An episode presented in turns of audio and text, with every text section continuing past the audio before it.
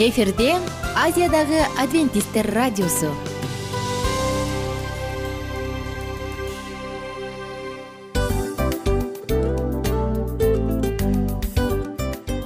Достор салют. Баардык сүйүктүү угармандарыбызга салам айтабыз. Кутман күнүңүздөр менен. Ден соолук өмүрдүн булагы демекчи саламат саамы программасында баарыңыздарды көргөнүбүзгө абдан кубанычтабыз. Анда алгач амандашып өтөлү арбаңыздар деп. Ден соолугуңуздар кандай элибизде көбүнчө ден соолук кандай дегенде эле жакшы деп жооп беребиз э? ооруп турсак дагы жакшы дейбиз. Анан мен муну айтып ойлойт элем бул абдан сонун сөз депчи анткени бул жакшы деген үмүт да э баары жакшы болот баары сонун. Деп үмүттөнүп атып эле өзүбүздү өзүбүз дарылап коебуз. Анысы кандай? Сиздин дагы ден соолугуңуз жакшы беш деген үмүттөбүз чындыгында ден соолук бул өмүрдүн булагы деп бекеринен айтылган эмес деп ойлойм. Кыргыз элинде анткени эгерде ден соолук жок болсо анда адамдын жашоосунда калган баардык керектүү маңыздуу нерселер өзүнүн баалуулугун жоготуп коет. Ошондуктан ден соолук бул эң керектүү нерсе. Ооба туура айтасың кесиптешим. Чынында ден соолугуң жок бир эки үч күн ооруп калсаң эле э кандай болуп калат? Жашоодо көз каранды болуп каласың көп нерсеге жетишпей каласың көп нерсени кыла албай каласың жада калса эшикке дүкөнгө да чыга албай каласың. Туптуура анан ден соолук болсо демек биз биздин бактыбыз тоодой деп койсок болот. Анда достор саламат саамы рубрикабызды баштайлы. Алдыда өзүңүзгө керектүү болгон сонун кеңештерди уга аласыздар. Мына ошондуктан биз менен бирге болуңуздар. Ал эми биз болсо милан жана айнура. Кеттик алга. Алга саламат саама ден соолуктун жарчысы. Саламат саама ден соолуктун ачкычы. Күн сайын сиз үчүн мыкты кеңештер сонун жаңылыктар кызыктуу фактылар биздин рубрикада.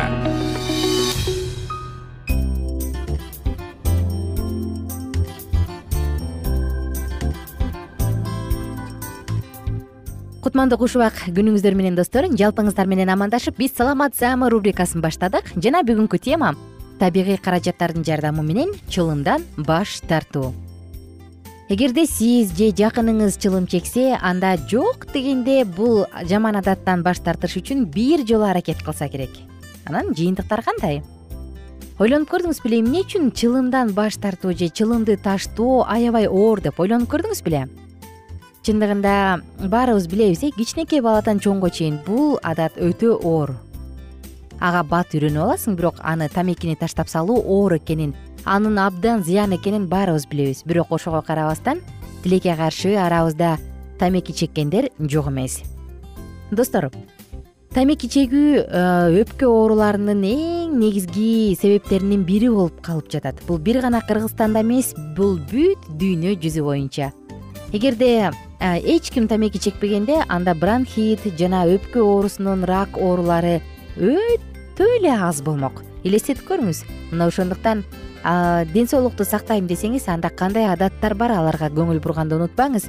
Жана достор эгерде сиз жок мен ушул чылымды чегем зыян экенин билем жар таштагым келет кантип таштайм десеңиз анда биз менен бирге табигый методдорду колдонуңуз дагы бүгүнкү уктуруудан кийин дал ушул тамекиден баш тартууга аракет кылып көрүңүз. Албетте эгерде сиз өтө эле көп убакыт стажыңыз тамеки чегүүдө көп боло турган болсо анда бул биз айта турган кеңештер жардам берет деп айта албайбыз бирок эгерде сиз бир аз эле убакыт тамеки чеккен болсоңуз жана тамеки каныңызга сиңип кала элек болсо бул биз айта турган ыкмаларды колдонуп көрүңүз. Бирок мен өзүм жеке жашоомдон билем отуз отуз беш жыл тамеки чеккен адамдар аны таштап койгондорун көрүп абдан кубангам магазинге дүкөнгө барасыңбы гипермаркет супермаркетке барасыңбы кайсы гана жерге барба тамекинин сыртындагы жүрөктү ооруткан коркунучтуу сүрөттөрдү көрөсүң. Бирок адамдар ошого карабастан эле баары бир барып алышат. Бүткүл дүйнөлүк саламаттыкты сактоо уюмунун айтымы боюнча жыл сайын жыл сайын дүйнө жүзү боюнча беш миллиондой адам өлөт экен. Дал ушул тамеки чегүүдөн ал эми муну эгерде секундага бөлө турган болсок ар бир секундта дүйнө жүзү боюнча сегиз адам өлүп турат. Элестетиңиз бул кандай гана коркунучтуу көрсөткүч. Бул эмне деген статистика? Мына ошондуктан эгерде тамеки чеккенде эмне болмок эле дей турган болсоңуз анда сизге кандай коркунучтуу оорулар жаралышы мүмкүн? Бир аз болсо да айта кетели. Өпкөнүн рак оорусу. Изилдөөлөр айткандай өпкөнүн рак оорусунун токсон пайызы чылым чегүү менен байланыштуу. Өнөкөт оорулар обструктивдүү врач доктурлардын айтымы боюнча пациенттердин сексен пайызы дал ушундай ооруга туш келгендер булардын баардыгы чылым чеккендер. Кекиртек колконун рак оорусу. Токсон пайыз онкобольнойлор онко оорулуулар булардын баардыгы тең көп жылдык стажы бар тамеки чеккен адамдар. Импотенция. Адамдын тамеки чегүүсү дал ушул импотенцияга кабылуу коркунучун жыйырма төрт пайызга жогорулатат тагыраак айтканда кырк пайыз. Тукумсуздук. Тамеки чеккен айымдардын алтымыш пайыздан ашыгы тукумсуздук коркунучунун алдында турат. Тамеки чегүүнүн дагы бир коркунучтуу өтө эле коркунучтуу кесепети бул көздүн көрүүсүнүн начарлаткандыгы. Макула дистрофияга алып келет. Ошондой эле достор андан сырткары эстетикалык дагы көйгөйлөрү көп э бул ооздон чыккан жагымсыз жыт тиштердеги дайыма сары тишти каптап турган сары көрүнүш өң теринин эрте картайышы тырмактын сынышы чачтын сынышы өспөй калышы мына булардын баардыгы тең э, сырткы эстетикалык көйгөйлөрү. Эгерде сиз өзүңүздүн күчүңүз менен дал ушул тамекини таштайм деген аракетти көрөм деп турган болсоңуз анда биз сизге жогоруда убада кылгандай эле жардам беребиз. Биринчи эле кеңеш бул гидротерапия. Күнүнө сегиз стакандан кем эмес суу ичиңиз андан сырткары эртең мененби кечиндеби көбүрөөк душка түшүңүз мончого түшүп парга кирип тердеңиз айтор тердеңиз. Өзүңүздүн артыңызга сууну мындай акырындан кылып агызып аны өзүңүздүн денеңизде сезиңиз бул нерв системасын жакшыртат. Андай эле өзүңүздүн эрктүүлүгүңүздү бекемдейт жана албетте тамекини таштаганга жардам берет контрасттык душка түшүңүз бул да жакшы. Ошондой эле достор кийинки кеңешибиз физиотерапия гимнастика жасаңыз өзгөчө дем алуучу органдарга көнүгүү жасаңыз бул организмде топтолуп калган уулардын баардыгынан арылганга жардам берет. Көп терең терең дем алыңыз көнүгүү жасаңыз тез тез басыңыз чуркаңыз айтор тердегенге аракет кылыңыз. Жана туура тамактаныңыз. Туура тамактануу дагы тамекиге болгон каалоону төмөндөтөт жана басат ошондой эле ашыкча салмак кошуудан дагы сактап коет. Ошондуктан айтарыбыз эртең мененкисин жакшы тамактаныңыз өтө тоё тамактаныңыз ал эми кечкисин жатаарда аз гана тамактанып анан жатыңыз. Мүмкүн болсо эт азыктарынан баш тартканыңыз жакшы анткени ал тамеки чегүү каалоосун жогорулатат жана рак оорусунун пайда болушун жогорулатат.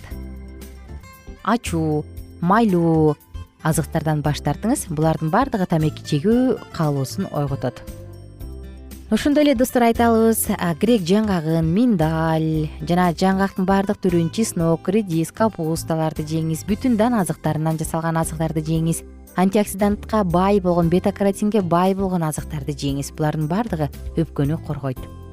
Дагы бир айта турган нерсебиз кандай гана кыйын болбосун бирок мен таштайм деп өзүңүз үчүн бекем чечим чыгарыңыз анткени чечим адамдын психологиялык абалы дагы өтө чоң роль ойнойт эмеспи тамекиде албетте миңдеген уулуу заттар бар бирок алардын ичинен үчөө эң эле коркунучтуу уу. Бул никотин жана экинчи уу бул углер көмүртектин окиси жана үчүнчү уу бул смола же кара чайыр минералдык кара чайыр. Булар адамдын денесинде сууну көп ичмейинче тердемейинче оңой менен чыкпайт жана жылдап жашай турган уулар. Ошондуктан достор эгерде тамекини таштайм деп өзүңүз үчүн чечим чыгарсаңыз анда бул чечимиңиз бекем болсун жана күрөшүңүз. Ал эми биз болсо сизге кааларыбыз албетте ийгилик жана тамекини таштайм деген чечимиңиз иш жүзүнө ашып бир учурда бизге сүйүнчүлөңүз. Сүйүнчү мен тамекимди таштадым деп. Таптакыр бул кеңештер жардам бербей жатса анда психологко кайрылыңыз доктурга кайрылыңыз жакындарыңыздан колдоо күтүңүз. Аларга ачык эле айтып мен күрөшүп жатам деп айтсаңыз сөзсүз түрдө сизди жакшы көргөн жакын адамдарыңыз сизге жардам беришет. А мен болсо сиздер менен коштошом достор. Кайрадан алдыңкы уктуруулардан амандашканча сак саламатта туруңуздар. Күнүңүздөр көңүлдүү улансын саламат саама ден соолуктун жарчысы. Саламат саама ден соолуктун ачкычы. Күн сайын сиз үчүн мыкты кеңештер сонун жаңылыктар кызыктуу фактылар биздин рубрикада. Салют замандаштар баарыңыздарга ысык салам. Дил маек программабызга кош келиңиздер. Дил маек рубрикасы дегенде эле бул эмне болгон дил маек? Ким менен маектешебиз деп сурайт болуш керек угармандарыбыз бул рубриканы кыскача тааныштыра кете турган болсок ар тарап кесип ээлеринен болгон сонун интервью кеңештер бар. Ооба. жылдыздар менен болгон маек бар. Аталарыбыздын агаларыбыздын чоң аталарыбыздан сонун кеңештер бар. Ошондой эле эже сиңдилердин кеңештери бар айтор. Баардык кызыктардын баары алдыда. Негизи эле адам баласы бир кимдир бирөөнө ишенип сырын ачкысы келет эмеспи э мындай баарлашууга жакын келебиз го. Албетте. Негизи бир жерге отуруп алып кенен шашпай баягы жүрөктөн жүрөккө ачып сырларыбызды ар кандай көйгөйлөрүбүз менен бөлүшүп баягы чын жүрөктөн маек курганды кимибиз сүйбөйбүз э? Ооба десең ал нерсеге суусап да келебиз да. Ооба кээ бирде адамга чындыгында баягы э, ысык маек баягы жылуу маек жетишпейт да. Ошондуктан биз ушул рубриканы ойлоп тапканыбызда эң биринчи эле достор сиздер менен чын жүрөктөн бир маңыздуу темаларды козгоп кеткени э, кааладык. Ошондуктан ушундай сонун бир рубриканы тартуулап жатабыз. Анын үстүнө радио дагы сонун дос да анткени э, мындай учурда досуңа айтсаң досуң досуна айтат досу досуна айтат да анан бүт өлкө билип калышы мүмкүн го.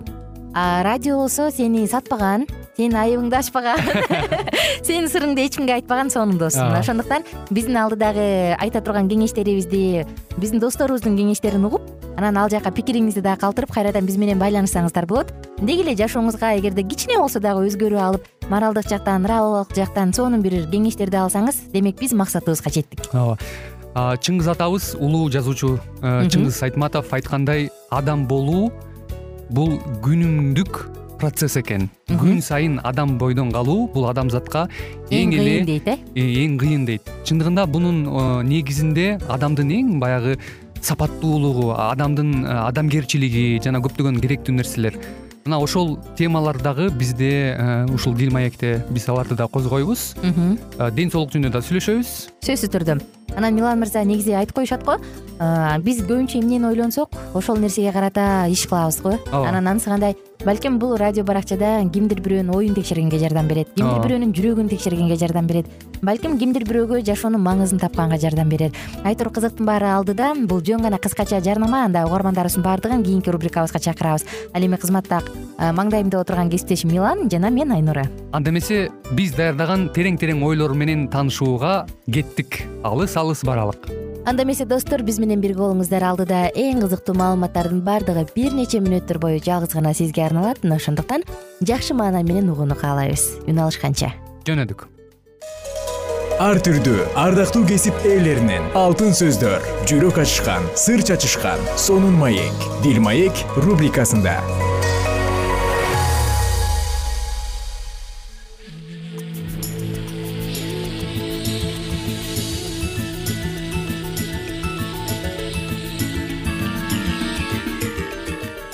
саламатсыздарбы урматтуу радио угармандарыбыз. Кайрадан эле сиздердин назарыңыздарда бактылуу никенин баалуу эрежелери аттуу программабызды баштамакчыбыз. Бүгүнкү программабыздын чыгарылышында биз сиздер менен үй бүлө коомдун күзгүсү аталыштагы темабыз менен программабызды улантмакчыбыз. Кызматыңыздарда кайрадан эле микрофондо мен улан кубанычбеков жана ошондой эле кесиптешим.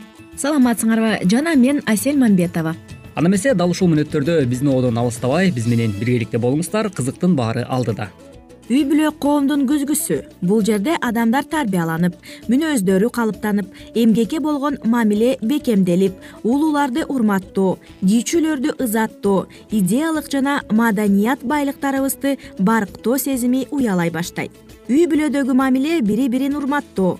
Адамды баалоодогу эң жогорку көрсөткүч болуп эсептелет. Үй бүлөдөгү тынчтык бейкуттук сый урмат эң кымбат нерсе эгерде үйдө тынчтык болсо байлык да максат да бала да бакыт да болот. Мамлекеттин мыйзамы болгондой эле ар бир үй бүлөнүн өзүнүн мыйзамдары бар эмеспи. Демек мамлекетти президент башкарган болсо ал эми үй бүлөнү ата башкарса ал үй бүлөдө тартип баланы тарбиялоо жана үй бүлөнү каржылоодо жакшы жолго коюлат. Эгерде баардык жагынан топ келген үй бүлөлөр көп болсо мамлекет да бекем күчтүү болору шексиз. Үй бүлө мамлекеттин ячейкасы үй кирпичтен курулган сыяктуу үй бүлөдө мамлекет курулат. Үй бүлөдө мамлекеттин келечек жарандары өсүп тарбияланат. Албетте э, чындап эле жашоодо баягы э, адам үй бүлө курган соң бул кичинекей мамлекет деп айтылат эмеспи андыктан дал ушул кичинекей мамлекетибизди курууда сөзсүз түрдө атанын дагы апанын дагы ролу өтө чоң экендиги э, мына ушул нерселердин баардыгын жогоруда айтылган сөздөрдүн баардыгы айкинелеп тургансыйт үй бүлөнүн коом үчүн мамлекет үчүн мааниси чоң. Үй бүлө канчалык бекем болсо балдарга тарбияны жакшы берсе коом дагы бекем туруктуу болуп натыйжада мамлекеттин өнүгүп өсүшүнө оң таасирин тийгизет республикабыздын башкы мыйзамында үй бүлө ата эне балалык бүткүл коомдун камкордугуна алынып мыйзам тарабынан артыкча коргоолукка алынаары бекеринен белгиленген эмес. Эркек канчалык адамдар менен жакшы мамиле курбасын бирок аялы менен корс болсо ал ийгиликсиз адам. Ар бир эркек аялы менен тил табыша албаса ал көпкө узабайт. Эркектин ийгилиги аялга байланган жогорудагы айтылып кеткен баардык э, кеңештер э, чындап эле кыргыз элине дагы өтө таандык жана мүнөздүү нерсе деп дагы айтып кетпесек болбос. Себеп дегенде ынтымак жок жерде ырк кетти деп коет демек э, ушул сыяктуу эле үй бүлөдө ушул эркек адам ынтымактуулукту өтө колго алып сактай билбесе анда сөзсүз түрдө ушундай олуттуу көйгөйлөргө туш келип каларыбыз э, айтпасак дагы ачык айкын белгилүү эмеспи андыктан ардактуу мырзалар жоопкерчиликти өзүңүздүн колуңузга алуу менен биргеликте сөзсүз түрдө бул кеңештерди дагы эсиңизден чыгарбаңыз. Туура. Ал эми аялдын ийгилиги эркекке байланган эки тараптан тең көз каранды. Даанышмандар айтчу экен аялдарына эгерде адамдардын баардыгы мен тарапта болуп сен гана мага каршы болсоң анда мен ийгиликтүү боло албайм. Үй бүлө жакшы жашаш үчүн жакшы сөздөрдөн аябаңыз. Ата бабаларыбыз да бекер айтпаган жакшы сөз жарым ырыс деп. Жакшы сөздү сүйлөш сизге эч кандай кыйынчылыкты жаратпайт. Элестетип көрүңүз ар бир айткан жакшы сөзүңүз жакшы мөмөсүн берет чындап эле ошо менен биргеликте дагы жакшы сөз э, албетте үй бүлө шартында дагы эки адамдын бири бирине карата болгон сүйүүсүн дагы күчөтө берет эмеспи. Андыктан дал ошол э, никелик жашоодо сүйүүңүздөр бири бириңиздерге карата болгон зор сүйүү арта берсин деген тилегибизди билдирүү менен биргеликте мындан аркы сапарыбызды дагы уланта бермекчибиз. Андан сырткары жакшы сөз ачууну басып мамилени бекемдейт албетте андыктан жакшы сөздүн артынан жакшы сөз угааларыңызды дагы эч убакта унутпаңыз. Негизинен эле баягы жакшы сөз жан эргитет деген дагы жакшынакай кеп бар эмеспи. Андыктан дал ушул нерселерди эстен чыгарбастан сөзсүз түрдө бири бирибизге жакшы гана сөздөрдү арнаганга аракеттенели. Андан сырткары жакшы сөз ортодо талаш тартышты жок кылат. Ошондой эле сиздин ички жан дүйнөңүз башкача айтканда жүрөгүңүз тынчтыкка бөлөнүп сүймөнчүлүккө ээ боло баштайсыз. Демек бул нерсе ар бир эле адамга жагымдуу маанайды тартуулоору дагы анык эмеспи. Андыктан мына ушундай позитивдүү көз карашка чөмүлө бериңиз деген тилегибизди дагы айтып кеткибиз келет. Андан сырткары жакшы сөз аялына жакшы сүйлөгөн мырза аялынан сый көрөт. Албетте. Демек бул нерселерди сөзсүз түрдө жашообузда колдонолу деген тилек менен ошондой эле дагы бир кеңешибизди айымдарга карата сунуштап өтсөк мисалы жолдошуна карата жакшы сөз сүйлөй баштаса келинчеги анда күйөөсүнүн дагы аялына карата болгон мээримдүүлүгү күчөп баштайт экен. Демек бул нерселерди дагы колго ала билүү сөзсүз түрдө айымдарга мүнөздүү нерсе экен.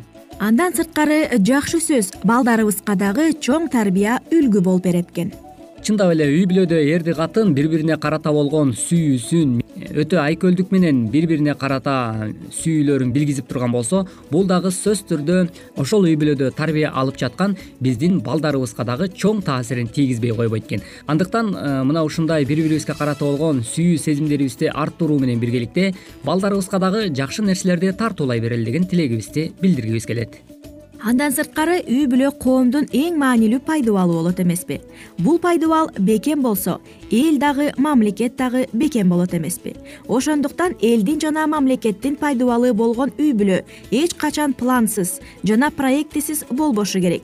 Бул нерседе кайдыгер калуу бүт элге жана мамлекетке кайдыгер болуу менен барабар. Андыктан биз үй бүлө маселесин олуттуу экенине ишенип аны өтө маанилүү деп билебиз. Жана коомубуз туура эмес багытта кетүүсүндө зыян тартаарына ишенерибиз. Баса белгилеп кеткибиз келет. Оюн зоок көңүл ачуу үчүн курулган максатсыз уянын келечеги болбогондой эле эл ичинде да пайдасыз кала берет. Мындай уянын ар дайым сел саяк балдарды көбөйүүсүнө жол берет экен анткени ал уя курулаарда береке алып келе турган эсеп жана план менен курулган эмес ал эми ардактуу радио каармандар ушуну менен бизге бөлүнгөн убактыбыз дагы өз соңуна келип жетип калды. Бүгүнкү программабыздын чыгарылышында сиздер дал ушул үй бүлө бул коомдун күзгүсү деген аталыштагы жакшынакай темага орток боло алдыңыздар. Бүгүнкү уктурууда айтылган баардык кеңештер жашооңуздарда жакшы жемишин бере берсин жана үй бүлөңүздөрдүн ынтымагы күндөн күнгө жакшы гана жактарга багыттала берсин деген тилегибизди билдирүү менен бизге бөлүнгөн убактыбыз дагы ушуну менен өз соңуна келип жетти анда эмесе достор келээрки уктуруубуздан угушканча сак саламатта туруңуздар. Ар түрдүү ардактуу кесип ээлеринен алтын сөздөр жүрөк ачышкан сыр чачышкан сонун маек дил маек рубрикасында. Жан дүйнөңдү байыткан жүрөгүңдү азыктанткан жашооңо маңыз тартуулаган жан азык рубрикасы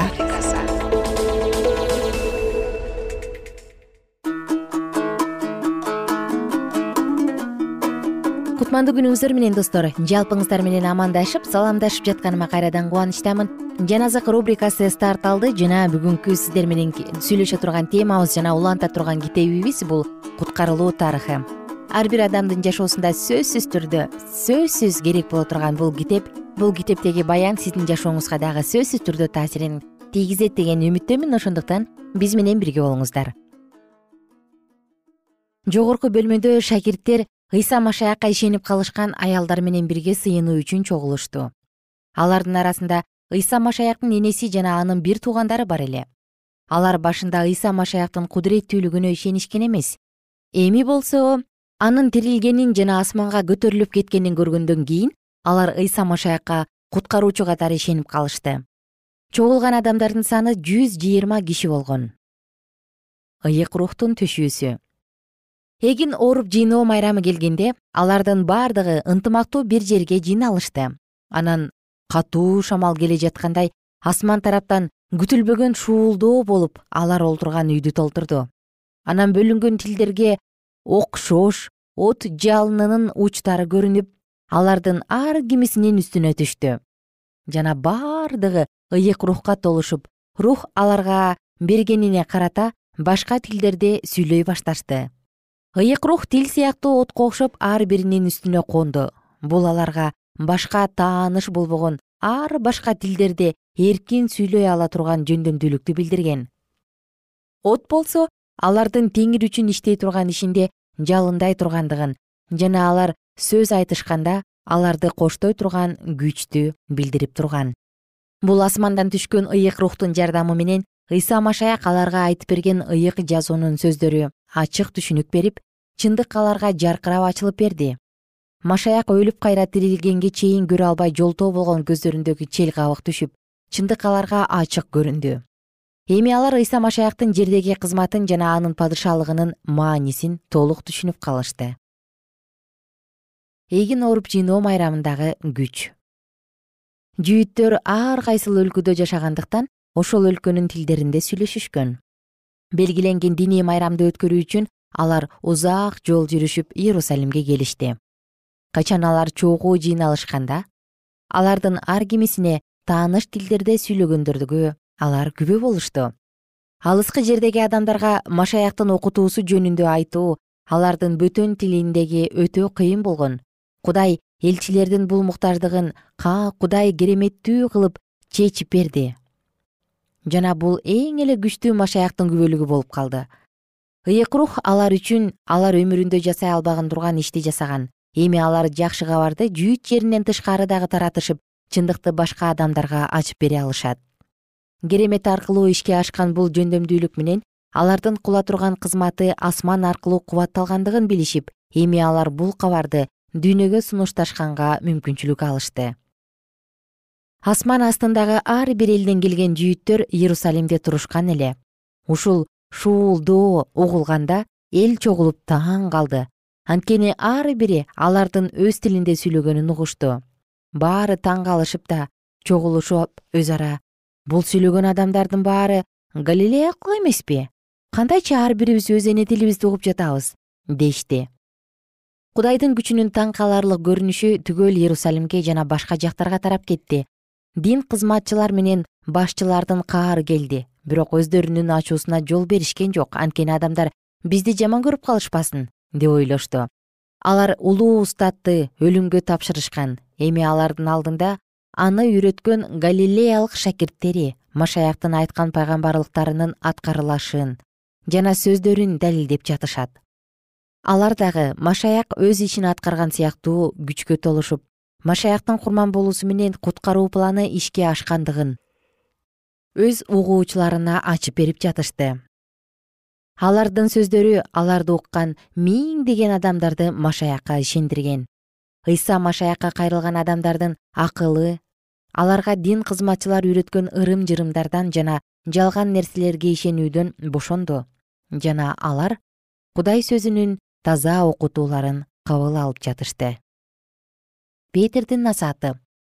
Петир сөз айткан насаатында бул көрүнүп жаткан күч яил пайгамбардын айткан пайгамбарлык сөзүнүн мындай күч адамдарга түшүп жана аларды өзгөчө бир иштерди аткарууга даярдайт деген сөздөрүнүн далили деп айтат. Петр ыйса машаяктын дөөт пайгамбардын тукумунан экендиги жөнүндөгү санжырасын чогулгандарга айтып берди. Ал өз угуучуларына машаяктын окутууларын айтпастан алар билген тарыхты баяндады. Себеби машаяктын окутууларын жактырбаган адамдар ал кезде көп болушкан ал мындай деп айтты. Себеби дөөт ал жөнүндө мындай дейт. Мен ар дайым алдыман теңиримди көрөм. Анткени ал менин оң жагымда жүрөт. Андыктан мен солк этпейм. Ошондуктан жүрөгүм кубанычка толуп тилим шаттуу сайрап жатат. Атүгүл үмүт оту жанып делебем жалынып тынч алды. Анткени жанымды тозокко таштап касиеттүү пендеңди чиритпейсиң петир бул сөздөрдү айтуу менен дөөт пайгамбар бул сөздөрдү өзү жөнүндө эмес бирок машаяк жөнүндө айткандыгын далилдейт. Дөөт пайгамбар өлгөн. Анын көрүстөнү ошол кезге чейин каралып турган. Кудай дөөт пайгамбарды ысрайыл элинин падышасы катары соболосун көтөргөн. Ага пайгамбарлык менен ыйса машаяктын жердеги жашоосу жана аткара турган кызматы аян болуп көргөзүлгөн. Дөөт пайгамбар машаякты ал жээктеп кабыл албай жатышкандарын анын үстүнөн чыккан өкүм жазаны машаяктын өлүмүн көрүстөнгө койгонун тирилүүсүн жана асманга көтөрүлүп кетүүсүн көргөн. Машаяктын денеси көрүстөндө калбай жана чирибей тургандыгын дөөт пайгамбар алдын ала күбөлөндүрүп айтып кеткен. Жана ошол ыйса машаяк жөнүндөгү пайгамбарлык сөздөр бүгүн аткарылгандыгын петир чогулгандарга айтты. Кудай ыйса машаяктын денеси бузула электе эле аны тирилтип алды. Ал эми даңкка бөлөнүп асмандардын асманында кызмат кылып жатат. Кымбаттуу достор сиздер менен окуябызды дал ушул жерден токтотобуз жана кийинки уктурууда биз менен бирге уландысын бирге тыңдаңыз. Күнүңүздөр көңүлдүү улансын маанайыңыздар дайым бейиш болсун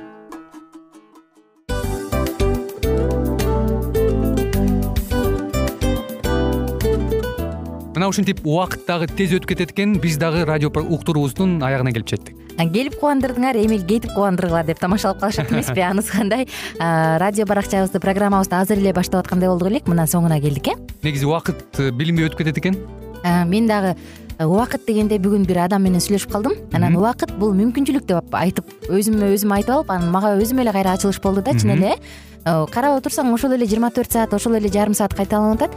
Бирок сендеги мүмкүнчүлүк жок ошол кой берилип кетти? Анысы кандай? Бүгүнкү сонун убактыңызды алтындай болгон жарым саатыңызды бизге бөлүп арнаганыңыз үчүн ыраазычылык айтабыз. Анан жашооңуздун кайсы бир сферасын өзгөртө турган сонун пайдалуу кеңеш алган болсоңуз анда биз максатыбызга жеттик. Анан ушул нерсени кылбасам десеңиз ошол өзгөрүүлөрдү кичинекей кадамдардан баштап иш жүзүнө ашырыңыз дагы жашооңузда чоң чоң ийгиликтерге жетиңиздер чын жүрөктөн ар бир берилген кеңештер сөздөр сиздерге пайдасын алып келет деп ишенебиз жана кийинки уктурууларда сөзсүз түрдө чыдамсыздык менен сиздерди күтөбүз. Сагынычтуу салам айтып кайрадан дал ушул жыштыктан баардыгыңыздарды тосуп алганча. Кызматта мен айнура жана кесиптешим милан. Анда кол булгалайбыз жалпыңыздарга ийгиликтүү күн. Саламатта калыңыздар